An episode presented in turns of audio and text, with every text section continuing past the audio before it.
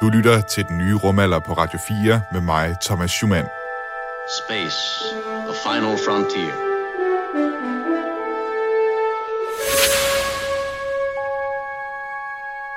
These are the voyages of the starship Enterprise.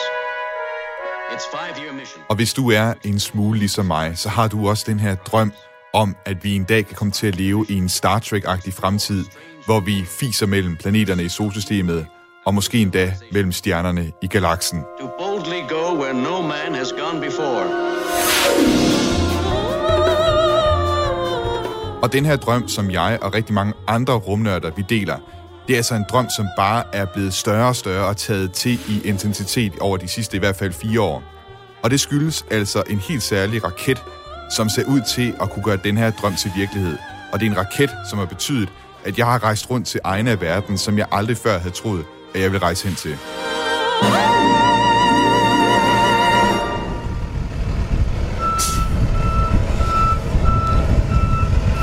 Test, test, test, test, test. Så jeg er taget herover til øh, Boca Chica i Texas for at se på den der, som er SpaceX's øh, Starhopper. Øh, en Mars-raket-prototype, som på et tidspunkt skal blive til øh, Starship, altså det rumskib, som SpaceX de planlægger at sende øh, 100 mennesker til Mars med af gangen. For tiden så øh, tester SpaceX... Den her optagelse, den stammer altså fra april sidste år, hvor jeg var draget over til Boca Chica, Texas, som var der en kæmpestor magnet derovre. Altså det sted, hvor det er SpaceX, de tester deres rumskib, deres Mars-rumskib Starship, som jeg også sagde i klippet her. Jeg var simpelthen blevet nødt til at tage det over for at se, hvordan, øh, hvordan det stod til, hvordan det så ud det her sted, hvor det er, at de bygger, så at sige, vejen til, til Mars. Og det var af samme grund, at jeg også blev nødt til at tage til Mexico tilbage i 2016, dengang, at øh, Elon Musk han altså præsenterede, hvordan det her Mars-rumskib det skulle se ud. All right, so thank you, thank you very much for having me. Um, look forward to talking about the SpaceX um, Mars architecture and what, what I really want to try to uh, achieve here is to make Mars seem possible, uh, make it seem as though it's something that we can do in our lifetimes, um, and that you can go. Og det er simpelthen på grund af det, som Elon Musk kan tale om i klippet her, der gør, at jeg er så sindssygt begejstret for Starship, og hvad det er, det kan indvarsle. For det er jo den der drøm, vi alle sammen har, alle os rumnørder i hvert fald, at helt almindelige mennesker en dag kan tage og købe en billet og tage ud i rummet, og måske endda slå sig ned på Mars. Det er en game changer af en raket, som de er i gang med at bygge op. Og derfor så har spændingen altså også bare bygget op over de her sidste fire år, siden han præsenterede designet for rumskibet. Og derfor så kunne jeg simpelthen bare ikke sidde stille i min lejlighed, da jeg så SpaceX's livestream den 9. december, hvor de altså testede Starship-rumskibet og skulle se, om det kunne lande på den måde, som de har tænkt sig, det skal lande på både Mars og på Jorden. 3, 2, 1. Åh, oh, der, der er gang i raketten, der er gang i raketten. Den letter, den letter, den letter, den tager afsted. Nej, nej, den tager afsted. Fuck. Hvis nu du ikke er verdens største rumfartnørd, så kan det være, at du tænker, hvorfor i alverden skaber den her tosse sig så meget over, at der er en raket et eller andet sted i verden, der letter. Og kan det virkelig passe, som han påstår, at det her rumskib, det altså kan indvarsle den her science fiction drøm, som han bliver ved med at fabulere om? Have joined me, Flash Gordon, on a fantastic journey into worlds where peril and adventure await us.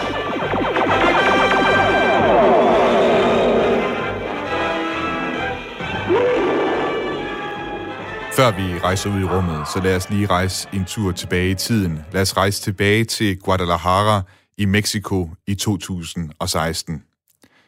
Allerede dengang kan jeg huske spændingen, hvordan den også bare byggede op til den onsdag, hvor jeg vidste, at alle andre også på konferencen vidste, at Elon Musk skulle holde den her præsentation af deres Mars-system.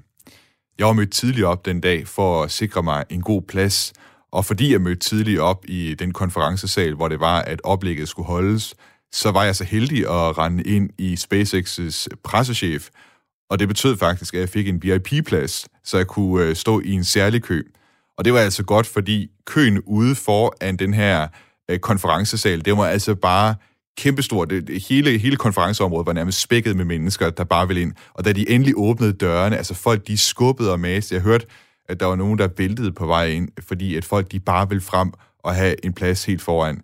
Men jeg har altså været heldig at, at få en plads på tredje række, da Elon Musk han altså gik på scenen. I, I don't have an immediate doomsday prophecy, but there's it's eventually history suggests there will be some some doomsday event. Uh, the alternative is to become a spacefaring civilization and a multi-planet species, which uh, I hope you would agree that is the right way to go. Yes? Det rumskib, som Elon Musk på det tidspunkt præsenterede, det er altså noget anderledes end det, vi ser i dag. Dengang hed det The Interplanetary Transport System. I dag hedder det Starship. Dengang så skulle det være lavet af kulfiber. I mellemtiden så er de skiftet til rustfrit stål, og derfor så har Starship også det her meget retrofuturistiske look, hvis du ser det i dag. Men mange af tankerne i dag er egentlig stadig de samme, som de var dengang. Altså der er mange af de grundlæggende principper, som stadig gælder i dag. Her er de tre ting, som SpaceX mener vil gøre Starship i stand til at sænke prisen på rumrejser til sådan et punkt, at helt almindelige mennesker, de altså kan købe sig en billet til Mars.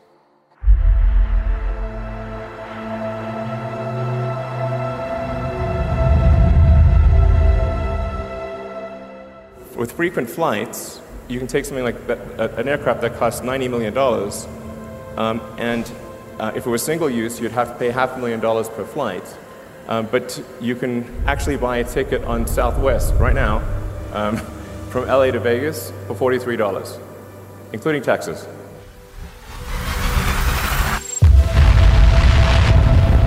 For det første, så skal Mars-raketten altså være 100% genbrugelig. Det er kun, hvis alle dele af raketten genbruges igen og igen, at man kan sænke prisen til et niveau, så helt almindelige mennesker kan få råd til at flyve til Mars. Det er ligesom med passagerfly. Hvis nu, at når du skal på ferie, at SAS skulle smide flyet ud hver gang, så vil prisen til at tage på charterferie på Gran Canaria for eksempel, jo stige helt enormt i vejret, hvis, altså hvis flyvemaskiner var engangsfornøjelse. Og det er sådan, det er med rumraketter, som de fleste i dag. De fleste, det er altså en engangsfornøjelse. Det er nærmest kun SpaceX, der indtil videre har haft god succes med at genbruge øh, første trinnet på deres Falcon 9-raket. Det har de altså lykkes med over 40 gange at lave genbrug af den her raket. Men det er som sagt kun første trin på raketten. Med Starship, der er planen, at både det første trin, altså boosteren, der skal løfte rumskibet op og ud af atmosfæren, at den skal kunne genbruges, og at rumskibet Starship altså også skulle kunne genbruges igen og igen og igen og igen.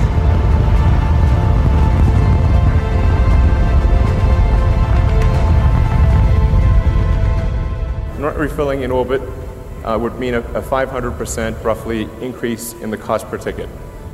For det andet, så skal Mars-rumskibet altså kunne tankes op i kredsløb om jorden. For med plads til masser af passagerer og en masse nyttelast, så er rumskibet simpelthen så tungt, at det bruger det meste af brændstoffet bare på at komme i kredsløb om jorden. Så tankene de er altså næsten tomme, og på den måde kan rumskibet altså ikke undslippe jordens tyngdekraft.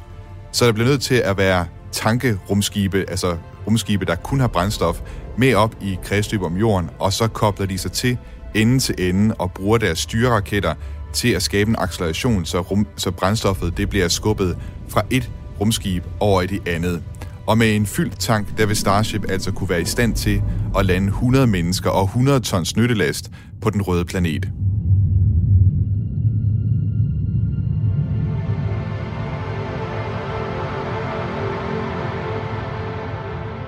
Uh, producing propellant on, on Mars is uh, actually you know, also very obviously important. Again, if, if we didn't do this, it would have at least a half order of magnitude increase in the, in the cost of a trip, so a 500% increase in the cost of the trip. Um, and it would be pretty absurd. For det tredje, så er det helt afgørende, at Marsrumskibet Starship bruger metan som brændstof. For metan, det kan nemlig produceres på Mars. Ved hjælp af den såkaldte Sabatier-proces, så kan man tage det is, der er frosset ned i undergrunden på Mars, og spalte det, altså det H2O, der er der. Og så kan man kombinere det med den kuldioxid, der er i atmosfæren, som består af CO2. Og ud af H2O og CO2, der kan man lave CH4, som er metan. Så man kan altså pr- producere raketbrændstof på Mars' overflade, og udover det, så kan man også producere det iltningsmiddel, altså simpelthen øh, ren ilt, det kommer igen fra koldioxiden, som man bruger til at forbrænde metanen i raketmotorerne.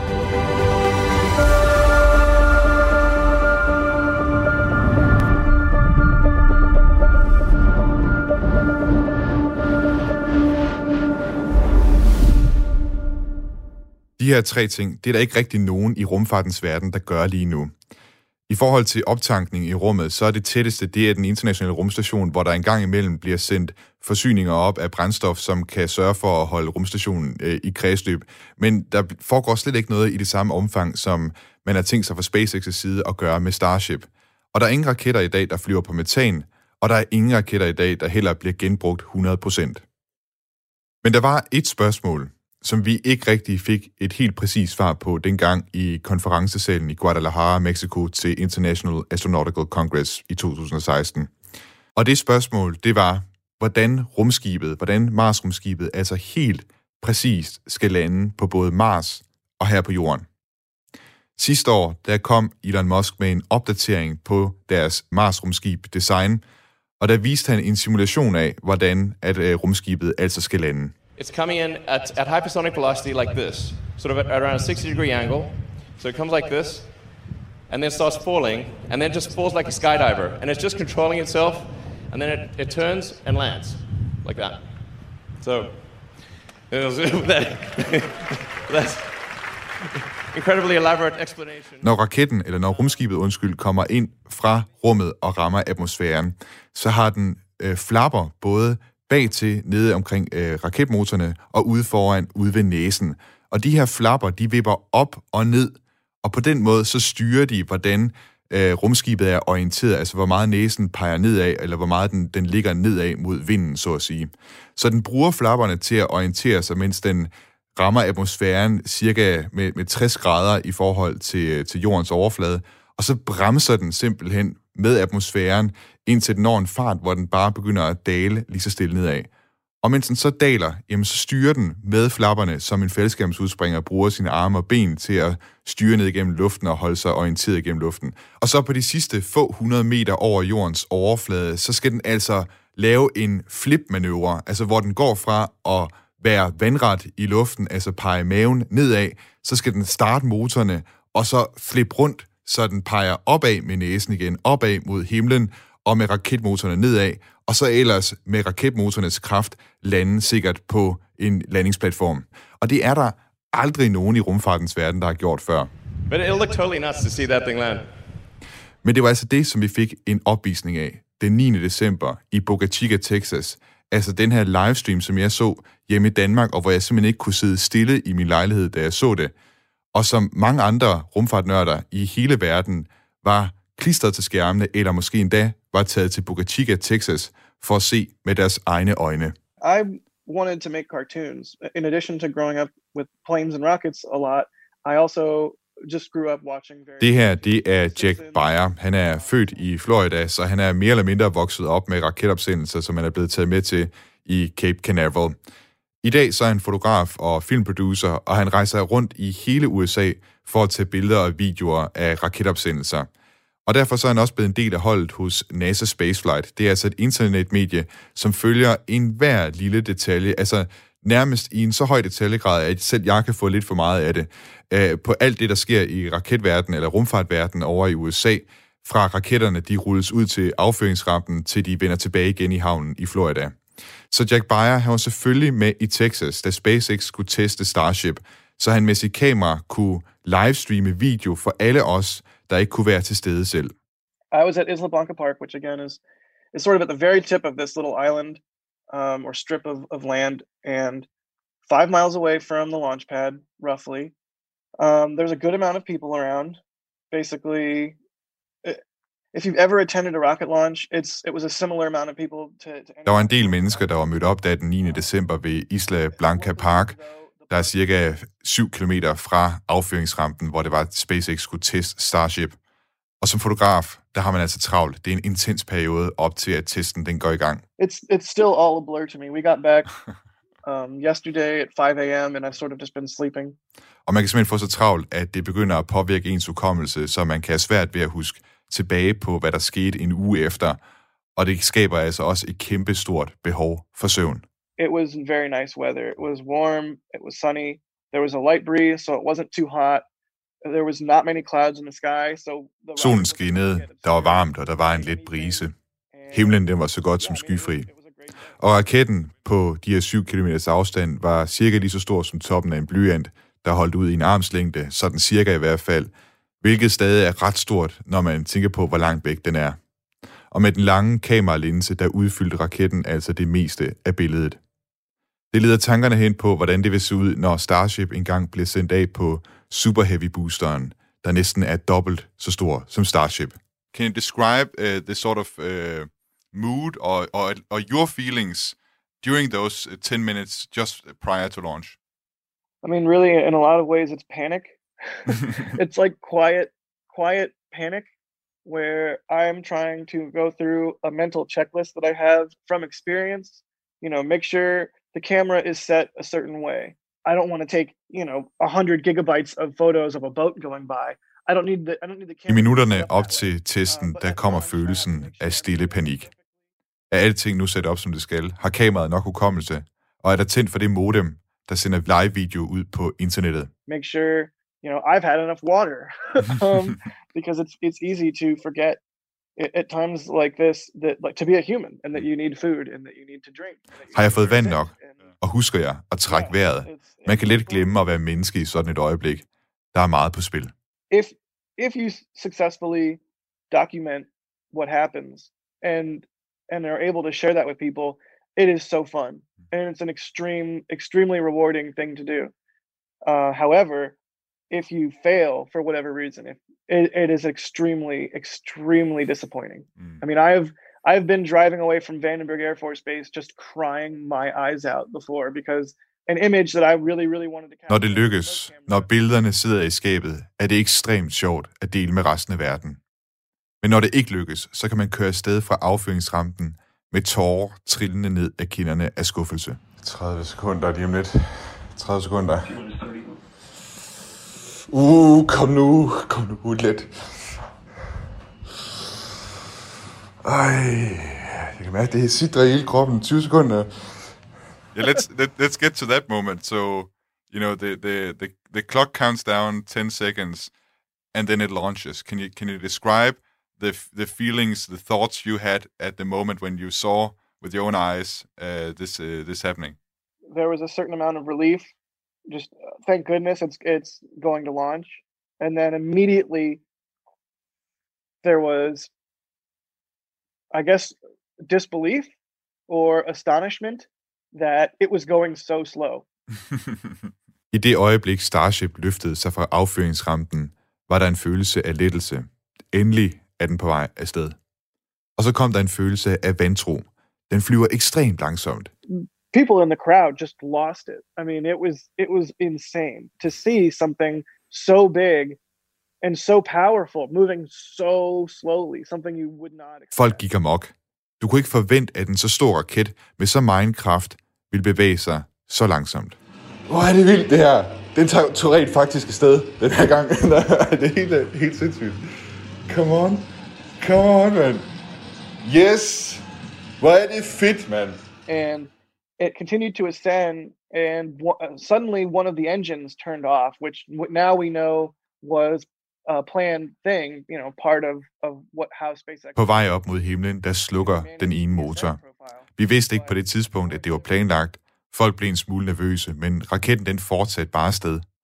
På toppen af sin flyvning, der nærmest gled den dovent sidelæns. almost like leaning forward and skating across the sky Så slukkede den sidste motor, og den faldt ned gennem sin egen røgsky. Flapperne blev aktiveret, og den lavede den smukkeste lille røgsky, da den faldt som en faldskærmsudspringer ned mod jorden. Og nu, nu vil man ned, vil man ned med næsen. Øj, det sker! Det virker! Det ser ud til, at det virker! Den ligger, den ligger, øh, den ligger øh, horisontalt i luften nu, og, og falder ned mod jorden.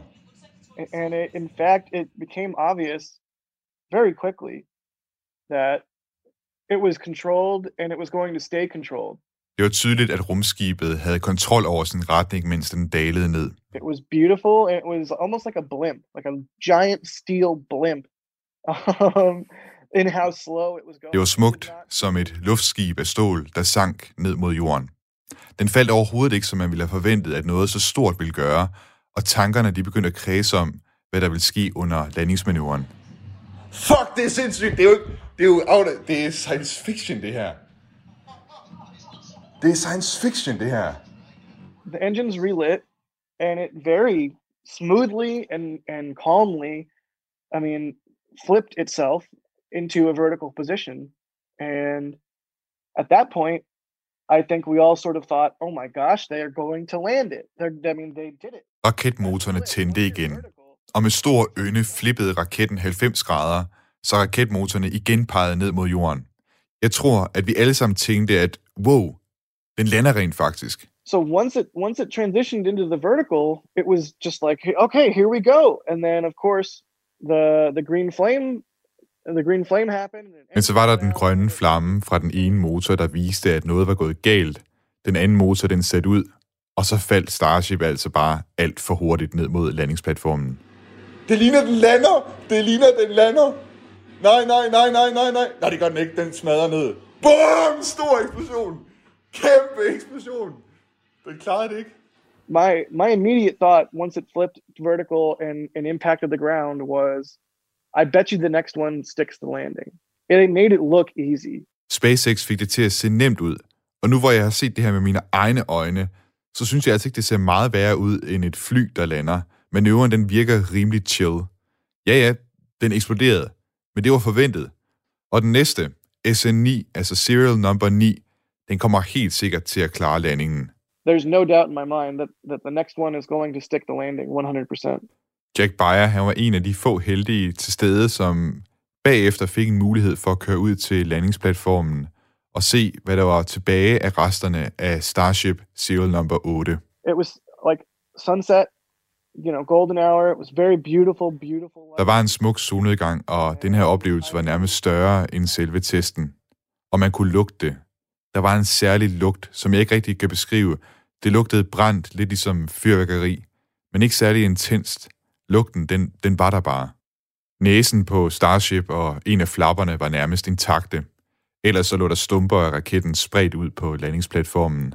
Og man kunne se, at nogen fra SpaceX allerede havde været ude for at rydde op. Raptor-motorerne, de var der ikke længere. Det var helt uvirkeligt. and then to add you know to add another layer of of craziness to the whole thing um, elon and gwen shotwell and a group of spacex employees all showed up at the launch pad og som endnu et lag galskab på det hele, så dukkede Elon Musk og SpaceX's præsident Gwynne Shotwell og andre SpaceX-medarbejdere op og inspicerede resterne af raketten.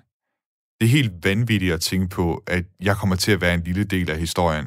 five years from now 10 years from now 20 years from now when starships are boring and nobody cares because nobody cares when a plane takes off from an airport um, i mean in a hopefully in a history book somewhere there's like a photo of elon waving next to the charred remains of serial number eight and it says you know jack Wire.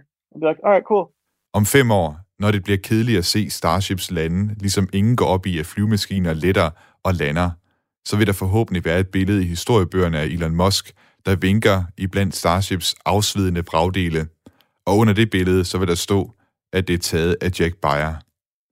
Jeg talte med Jack sidste mandag, og det var altså fem dage efter SN8-testen den blev gennemført. Og jeg spurgte Jack, hvordan han havde fordøjet oplevelsen indtil videre. yeah, I mean, I still can't believe it happened. I still, I'm still in a state of shock and, and disbelief at what we saw. I mean, what did we even see? It was insane. It lasted for six minutes and 48 seconds. Jeg kan stadig ikke tro på det. Jeg er stadig i chok. Jeg er stadig vantro. Hvad var det overhovedet, vi så? Det var sindssygt. Det varede i 6 minutter og 48 sekunder, eller deromkring. Den var i luften i så lang tid. Den klarede det så godt. Og det så alt sammen så nemt ud, da den flippede og faldt ned med maven nedad. Det var sindssygt. Det var absolut langt vildere, end jeg kunne have forestillet mig. Og jeg vidste endda, hvad jeg kunne forvente. I hvert fald til en vis grad. Det var surrealistisk. Absolut surrealistisk. Det er nok den bedste måde, jeg kan beskrive det på. It's still going to take a little bit for me to to appreciate what it is that we saw. I mean, it was insane. It was absolutely far crazier than I ever could have expected. And I knew what to expect. Hmm. I guess somewhat, you know. So it was just it was surreal is probably the best word I could use to describe it. Absolutely surreal. Like you tore something out of the pages of sci-fi and put it in front of us. Well, I I dreamed I saw the silver spaceships lying in the yellow haze of the sun. There were children crying and colors flying all around the chosen ones.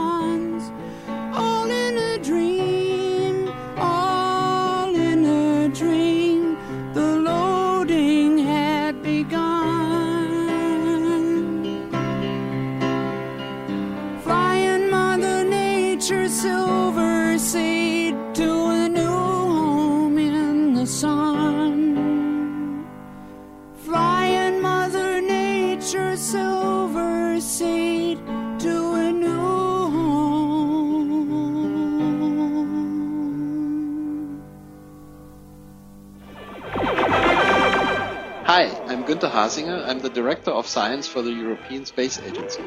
And you are listening to De Nye Romella with Thomas Schumann. I dagens udsendelse af den nye rumalder, der tager vi et intensivt kig på SpaceX's Starship, altså det her rumskib, som lover at kunne åbne solsystemet for helt almindelige mennesker og indvarsle den her drøm, mange af os rumfartnørder har, hvor vi altså bare fiser rundt mellem planeterne, og måske endda mellem stjernerne. Men er det her en drøm, vi en dag vågner op fra med slemme, slemme tømmermænd? Det talte jeg med DTU's chefkonsulent Michael Linden Børnle om. Jamen, men man kan jo sige, at det sjove med, med, med SpaceX og, og Elon Musk, det har jo lidt været sådan fra næsten fra begyndelsen, at når han har sagt, at vi kommer til at gøre et eller andet, øh, om det så er at bygge en privat raket, øh, gøre tingene billigere ved, at vi kan genbruge dele af den, og alt, hvad man egentlig har sagt, man vil gøre, jamen det er jo kommet til at ske. Så, så øh, på en eller anden måde, så tænker man, jamen hvorfor skulle det andet her så ikke også komme til at ske? Øh, man kan så sige om Elon Musk, han er jo sådan lidt måske en tidsoptimist, selvom det går rasende stærkt, og selvom de kommer hurtigt øh, frem, øh, så har der jo været forsinkelser. Altså Falcon Heavy-raketten blev forsinket noget, og altså, måske de, de tidshorisonter, som, som øh, bliver malet ud i forhold til, hvornår man kan begynde at flyve til, til Mars, de er nok også lovligt optimistiske. Øh, urealistiske er måske et hårdt ord. Men, men øh, det, at, at når der bliver meldt noget ud fra Elon Musks side, jamen, så har det en tendens til at manifestere sig. Det kan godt være, at det ikke lige kommer der, hvor han selv havde troet, skråstrej håbet på det, men, men det kommer. Så, så den her raket Starship, som man altså nu kan gå ind på YouTube og finde den her klip af, af den test, den lavede. Vi så, hvordan den fløj. Vi kommer altså i fremtiden til at se det her Starship-rumskib øh, lande mennesker på Mars. Er, er, er det, hvor, hvor, sikker, hvor sikkert er det, vil du sige?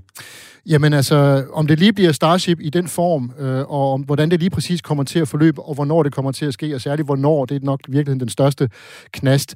Øh, jamen, jeg er da sikker på, at vi kommer til at se det i en eller anden form. Ja, øh, det er jeg faktisk overbevist om, fordi som sagt, øh, SpaceX arbejder jo frem mod det her som et mål. Det er ikke bare sådan, når man siger, så laver vi nogle ting, og så på et eller andet tidspunkt kunne det også være, at vi skulle kigge på at tage til Mars.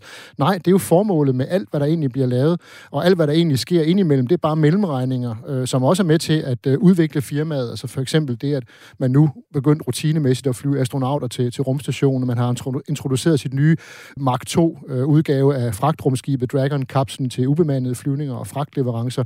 Og det, at man skal levere rumskibe, øh, formentlig, man er i hvert fald en af de tre firmaer, der er med i, i opløbet mod at skulle levere rumskibe til de kommende månelandinger, hvor blandt andet også Starship er, er i spil. Øh, så, så det er jo alt sammen noget, det er skridt på vejen mod at realisere visionen om, at øh, mennesker skal bosætte sig på Mars. Så ja, hvorfor ikke? Altså, når, når jeg tænker på sådan noget, der, altså, som, som jeg sagde før, jeg bliver nødt til at knibe mig selv i armen. Har du også den følelse af at knibe, øh, må knibe dig selv lidt i armen som, som rumfartentusiast, at, altså, vi, at det ser ud til, at vi er, vi er på den, øh, på den øh, vej? Det, det er jo lidt sjovt, fordi vi er jo faktisk ved at være derhen nu så småt, den vision, som blev malet af sådan en mand som Werner von Braun tilbage i 50'erne, med sådan nogle rumskibe, der kunne flyve ud i rummet og komme tilbage og lande igen. Øh, lidt ligesom Tintin-raketten, hvor man så bare lige skal, skal tanke op og tørre insekter af forruden, og så flyver man igen. Øh, så, så man kan sige, nogen vil måske sige, at det var da på høje tid, at vi nåede dertil. Altså, øh, og ja, det er da sådan næsten øh, u- u- uvirkeligt og surrealistisk at sidde og se sådan en test som, som øh, uh, SN8 her forleden.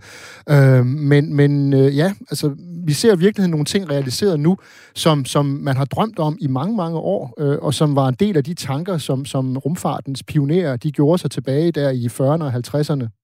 Man kan også sige, at den der vision, som der måske har været i sådan nogle science fiction tegneserier og sådan noget, det, det er sådan noget, vi er på vej hen imod, at det bliver til virkelighed.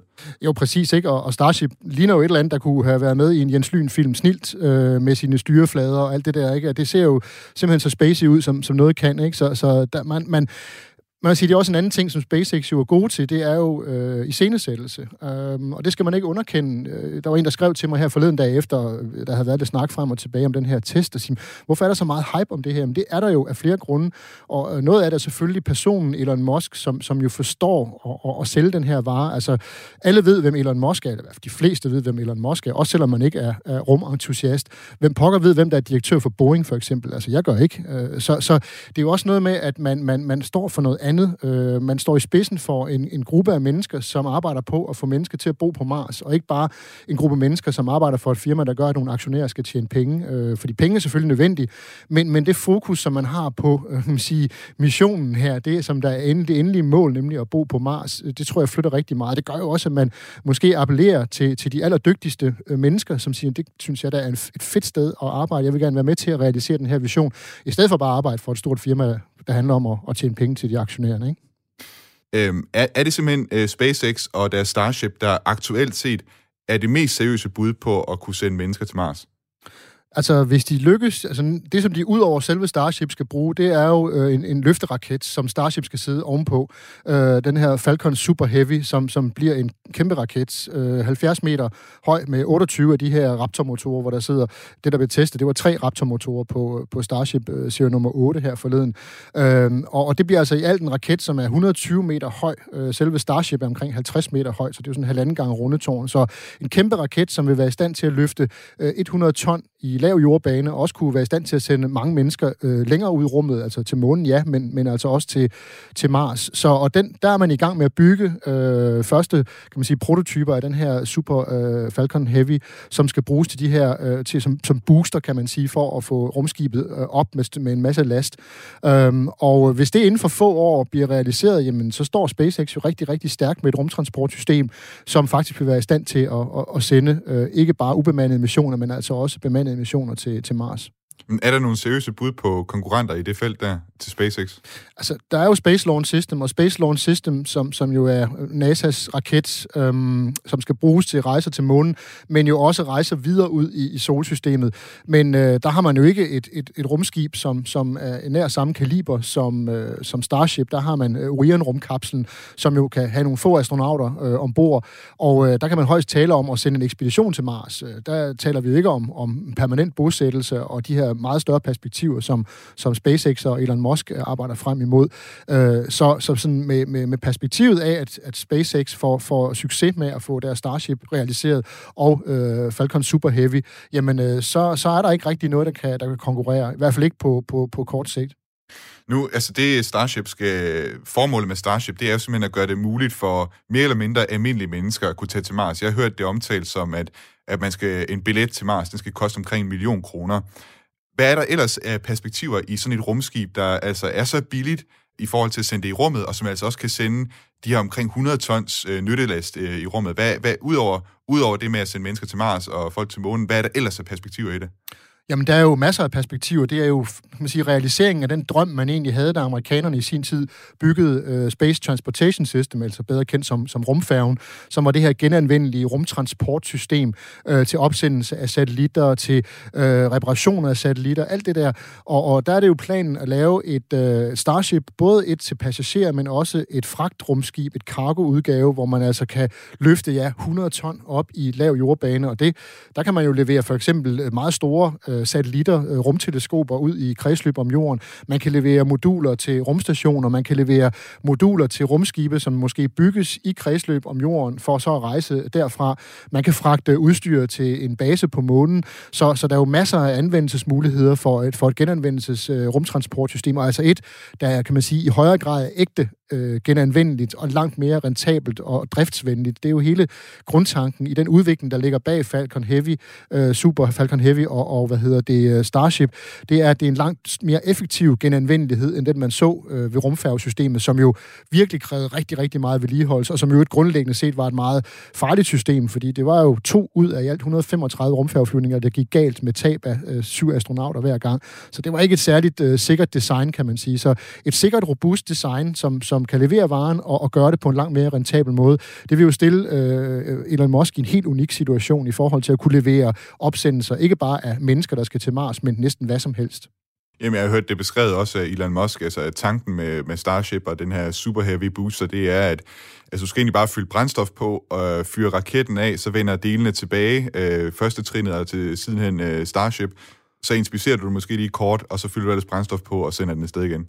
Præcis, og, og netop det har jo været, kernen i det har jo været udviklingen af den her nye motor, der hedder Raptor, øh, som man jo to gange øh, i 2020 har testet bare med en motor, siddende på første trin, eller som man siger, det nederste store trin af øh, øh, Starship, øh, hvor man så her ved den seneste test havde tre Raptor-motorer siddende i.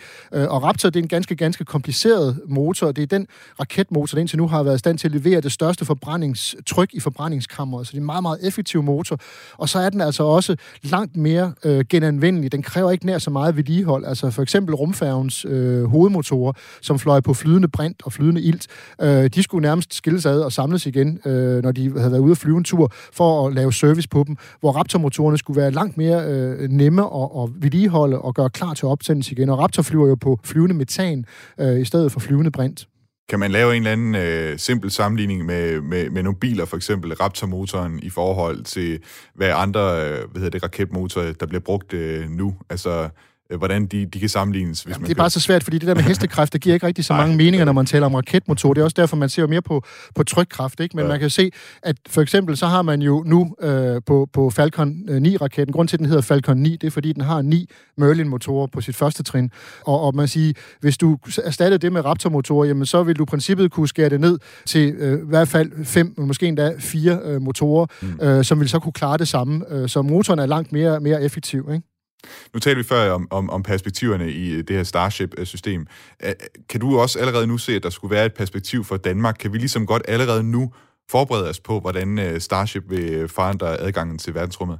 Det kan vi sagtens. Altså det med at have fri, sikker adgang til rummet, også billig adgang til rummet, det skaber jo grundlæggende set øh, nye muligheder, både hvis du ser med det i forhold til forskningsperspektivet, øh, altså mulighed for at få øh, forskningssatellitter, rumteleskoper og andet ud i rummet, men, men det skaber jo også nye erhvervsmuligheder. Øh, det, at du kan sende ting ud i rummet billigt, øh, nemt, hurtigt og effektivt, det vil jo også gøre, at øh, virksomheder, der arbejder med rumteknologi, de vil have nemmere adgang til, til rummet, simpelthen fordi det er blevet billigere, og du hurtigere kan få dine ting afsted. Så på den måde er det jo, er det jo på alle mulige måder en, en god ting, for man simpelthen kalde hele øh, rumøkonomien, som, som er et af de områder, hvor der sådan, ligger et størst uforløst vækstpotentiale, blandt andet for et land som, som Danmark. Øh, og, og det baner sådan nogle firmaer som SpaceX jo, og særligt firmaer som SpaceX jo, øh, vejen for. De har jo lige gennemført deres 25. succesfulde raketopsendelse i år, selv et år, hvor øh, alt har været sådan presset lidt i bund af, af coronakrisen, men øh, de, de drøner der ud af, det må man sige. Hvis du kigger 10 år frem, øh, 2030, hvordan tror du så, at Starship vil have forandret rumfartens verden, og for så vidt også resten af verden? Jamen altså, hvis, hvis det går som... Nu må sige, vi behøver ikke være lige så optimistiske som Elon Musk, fordi han vil jo allerede inden øh, det her årti om, at han nærmest har haft sendt mennesker til Mars. Det, det, det, altså, jeg vil da gerne øh, lade mig overraske og sige, det ville være fantastisk, hvis det lykkedes, men ja, det er måske lige optimistisk nok. Men, men altså, jeg er overbevist om, at øh, Starship og Falcon Super Heavy er i hvert fald nået til et niveau, hvor de kan begynde at, at flyve ud i rummet. Øh, de vil kunne understøtte missionerne til, til månen. Øh, der skal de jo lige også demonstrere det, at man kan tanke i rummet. Øh, og det er jo næste skridt, kan man sige, også for den udvikling, der foregår med, med Starship. Øhm, og øh, at, at det er på plads, så, så at man i hvert fald har begyndt at bane vejen til, til en, øh, en, en bemandet flyvning til Mars. Måske når man også inden for øh, årtid, inden årtiet om en ubemandet flyvning øh, til Mars med, med et Starship. Det er bestemt ikke urealistisk, hvis ellers alting, og man kan sige, hvis, hvis, der, hvis øh, SpaceX de fortsætter med den her meget høje øh, hastighed på hele deres udviklings- og, og testprogram, som, som de kører nu, og, og det, man siger, det er jo en af kan man sige, de adelsmærkerne for, for SpaceX. De har måske vist lidt større risikovillighed end de traditionelle rumfirmaer og rumagenturerne, og, og er meget effektive til at øh, lave turnaround på at lære deres, deres fejl, så de går videre til, til, til, til næste afprøvning nu. Øh, serie nummer 9, afprøvning af næste Starship, øh, der taler man jo om, at det kan måske allerede ske inden for, for uger. Den er allerede ved at være klar i, i garagen, den næste prototype. Så med de erfaringer, man har høstet sig fra den seneste flyvning, afsted nye data, implementere videre og så videre. Øh, så, så det, at man altså arbejder langt mere effektivt, øh, kan man sige, og stadigvæk har fuld styr på sikkerheden, det øh, åbner jo op for, at øh, man kan nå rigtig, rigtig langt. Så, så hvis vi skal sådan være forsigtigt optimistiske, så måske en ubemandet testflyvning med, med et Starship til Mars inden udgangen af, af det her årti. Nu tror jeg, vi, vi taler jo, kan jeg fornemme på dig også, med meget stor begejstring om, om det her Starship, fordi der netop er de her perspektiver i det, at det er som om, det kan realisere de der drømme, som jeg tror, vi begge to har øh, for, for menneskehedens øh, plads i rummet, at ligesom kan åbne det op for, for mange flere mennesker. Men er der en bagside, som vi ikke har talt om endnu, altså øh, nogle ting, som enten gør, at altså som du kan forestille dig, gør, at, at det her ikke bliver realiseret, de her drømme, der er for Starship, eller en eller anden bagside, en omkostning, øh, som, som også skal tages med i betragtning? Altså, jeg, jeg ser ikke umiddelbart nogen bagside i forhold til udviklingen af Starship og Falcon Super Heavy, øh, men det er en helt anden del af Elon Musks forretning, nemlig hans øh, Starlink-satellitkonstellation, øh, hvor han jo sender satellitter op øh, sådan i bund på 60 af gangen øh, for at lave den her globale satellitkonstellation, der kan give øh, højhastigheds øh, bredbåndsadgang til hele planeten. Øh, og det er jo sådan et meget nobelt formål, men, men altså med, med, form, med, med planen om, øh, inden for de kommende år at opsende masser af satellitter, altså samlet set op mod 42.000 satellitter i kredsløb om jorden. Øh, det er altså et problem, et stigende problem, fordi vores udfordringer med at håndtere det store antal rumobjekter, og særligt når tingene bliver til, til rumskrot og kan forårsage kollisioner, det, det er en reel trussel, mener jeg, mod vores frie og sikre adgang til rummet, som jeg lige sagde. Det er jo det, er jo det der sådan set er essensen for, at vi kan bruge rummet, som jo er fuldstændig øh, nødvendigt for, for vores højteknologiske moderne samfund, kan hænge sammen og fungere. Hvis ikke vi har adgang til de rumbaserede systemer og tjenester, jamen så vil store dele af vores samfund simpelthen bryde sammen. For eksempel økonomiske transaktioner vil bryde sammen, hvis ikke længere man har adgang til øh, kommunikation eller navigationssatellitternes øh, præcise atomure. Så, så risikoen ved at, at forurene rummet med, med, med mange satellitter, nu kan man sige, navigationssatellitterne, de ligger i noget højere baner end der, hvor Elon Musk's satellitter, de kommer til at ligge.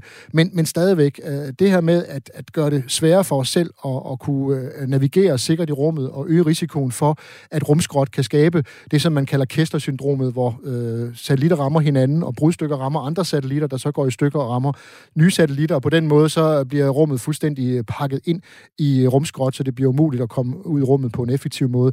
Det er et område, hvor man skal tænke sig rigtig, rigtig godt om, både hvordan man minimerer dannelsen af nyt rumskrot, hvordan man fjerner det igen, og, og også hvordan man øh, sige, laver en effektiv trafikstyring øh, i rummet, hvor jeg jo ser på muligheden for, at vi bør i virkeligheden lade den her rumbaserede infrastruktur blive autonom, så den selv kan finde ud af at regulere det. For der er simpelthen ikke operatører på jorden, der længere kan holde styr på de her mange satellitter og de her mange fragmenter. Hvordan skal man navigere det på en, på en sikker måde? Og der mener jeg, at der har Elon Musk, selvom han jo skal ud og siger, at vi har styr på det, jamen det har man kun til en vis grad, og det er altså et problem. Altså den forbindelse, jeg kan se mellem Starlink og Starship, det er, at Starship dels skal sende øh, endnu flere af de her øh, Starlink-satellitter op, og så vidt jeg har forstået, så også øh, øh, den profit, som SpaceX kommer til at score på det her øh, Starlink-system, det er også det, de vil bruge til at finansiere, at man kan sende øh, mennesker til Mars med til del, så vidt jeg har forstået i hvert fald. Så der er jo en eller anden forbindelse der også. Det er der selvfølgelig, for man ja. kan sige, at hele forretningsmodellen hænger på en eller anden måde, måde sammen. Men som sagt, lige præcis den her del af Elon Musks forretningsmodel, den, den, den synes jeg altså skaber flere problemer, end den, den løser. Michael uh, Linden Vørnle, tak fordi du var med for at tale med om uh, Starship og, uh, og hvilke perspektiver der altså er i den. Det var så lidt. Tro det eller ej, det ser altså ud til, at det kommer til at ske. Så du kan allerede nu godt begynde at tænke på, hvor du vil være, og hvem du vil være sammen med, den dag SpaceX lander mennesker på Mars. Jeg går i hvert fald allerede nu og dagdrømmer om den dag. Men som Michael Linden Børnle også sagde, så har den her drøm altså eksisteret i rigtig mange år efterhånden. Så hvorfor er det først med SpaceX, at vi nu ser et seriøst bud på, at drømmen den altså bliver realiseret? Jeg har efterhånden talt en del gange med Erik Berger, der er rumfartkorrespondent hos netmediet Ars Technica. Og Erik Berger han er lige nu i gang med at lægge sidste hånd på en bog, der hedder Liftoff, The Desperate Early Days of SpaceX and the Launching of a New Era. Og det er altså en bog, som også titlen indikerer, handler om de tidlige dage, altså dengang SpaceX blev grundlagt, og da de skulle lave deres første raket. Og jeg spurgte Erik, hvorfor det er, at det netop er SpaceX, der bygger vejen til Mars, og det ikke er Boeing eller Airbus.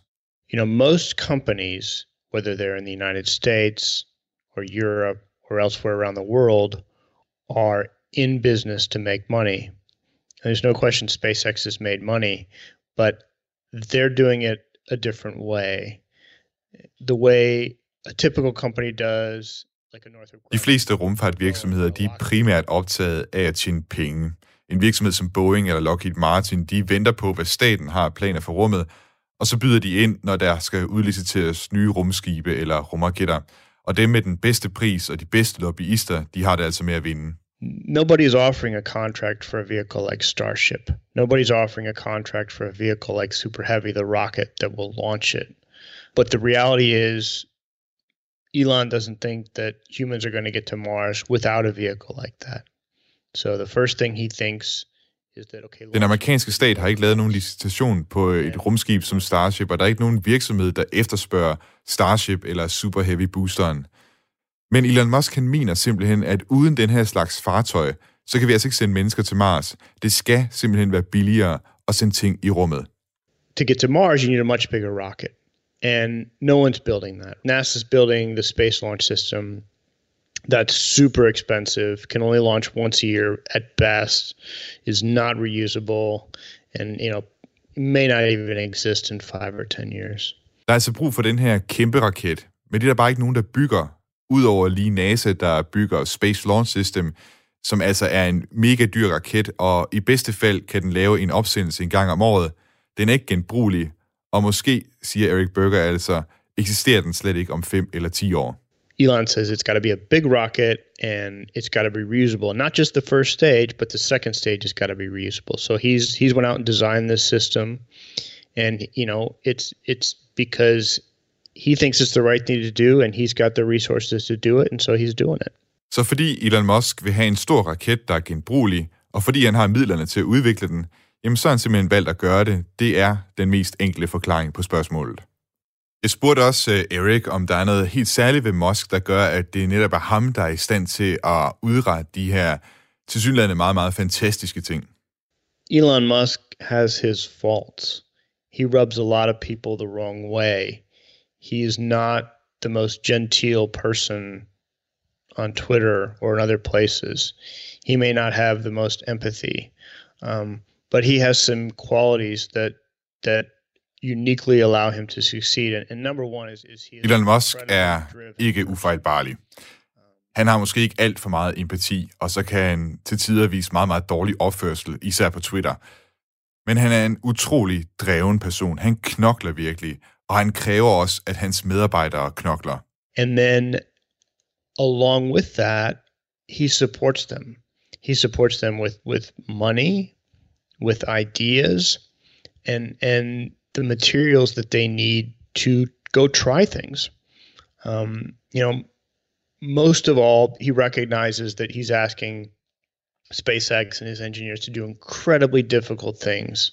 And he's expecting them to succeed, but he's willing to give them the flexibility to go out and experiment to try to find the best solutions. Samtidig støtter han virkelig sine medarbejdere, både med penge og de ressourcer, de har brug for til at udfylde deres opgaver. Han ved, at han kræver, at de udretter utrolige bedrifter, og han forventer også, at de lykkes med det, men han giver dem altså også fleksibiliteten til at finde de bedste løsninger. Der findes en del Elon Musk fanboys derude, og som altså tilskriver hele succesen for SpaceX og også Tesla, at det bare er Elons bedrifter. Og det var egentlig også derfor, at Eric Berger han skrev bogen Lift Off, The Desperate Early Days of SpaceX and the Launching of a New Era. For han vil gerne undersøge, hvor meget af det er Elon Musk, og hvor meget af det er Elon Musks medarbejdere. I think one of his underrated skills is is his ability to identify engineers he thinks will succeed. Um, so, he, you know, he, the first 3,000 employees of SpaceX he interviewed personally. So that that tells you a little bit about sort of his attention to detail and, and he, sort of how important he thinks the hiring process is. Um, but Elon was there every step of the way. You know, you know, person after person I interviewed said that you know he was there in the critical meetings leading the critical meetings and when the hardest questions came up he was the one that was helping to find solutions and making the final decisions Eric Berger han mener, at der er en undervurderet kvalitet ved Elon Musk, og det er, hvor god han er til at ansætte kvalificerede mennesker. Han ansatte personligt de første 3.000 medarbejdere hos SpaceX.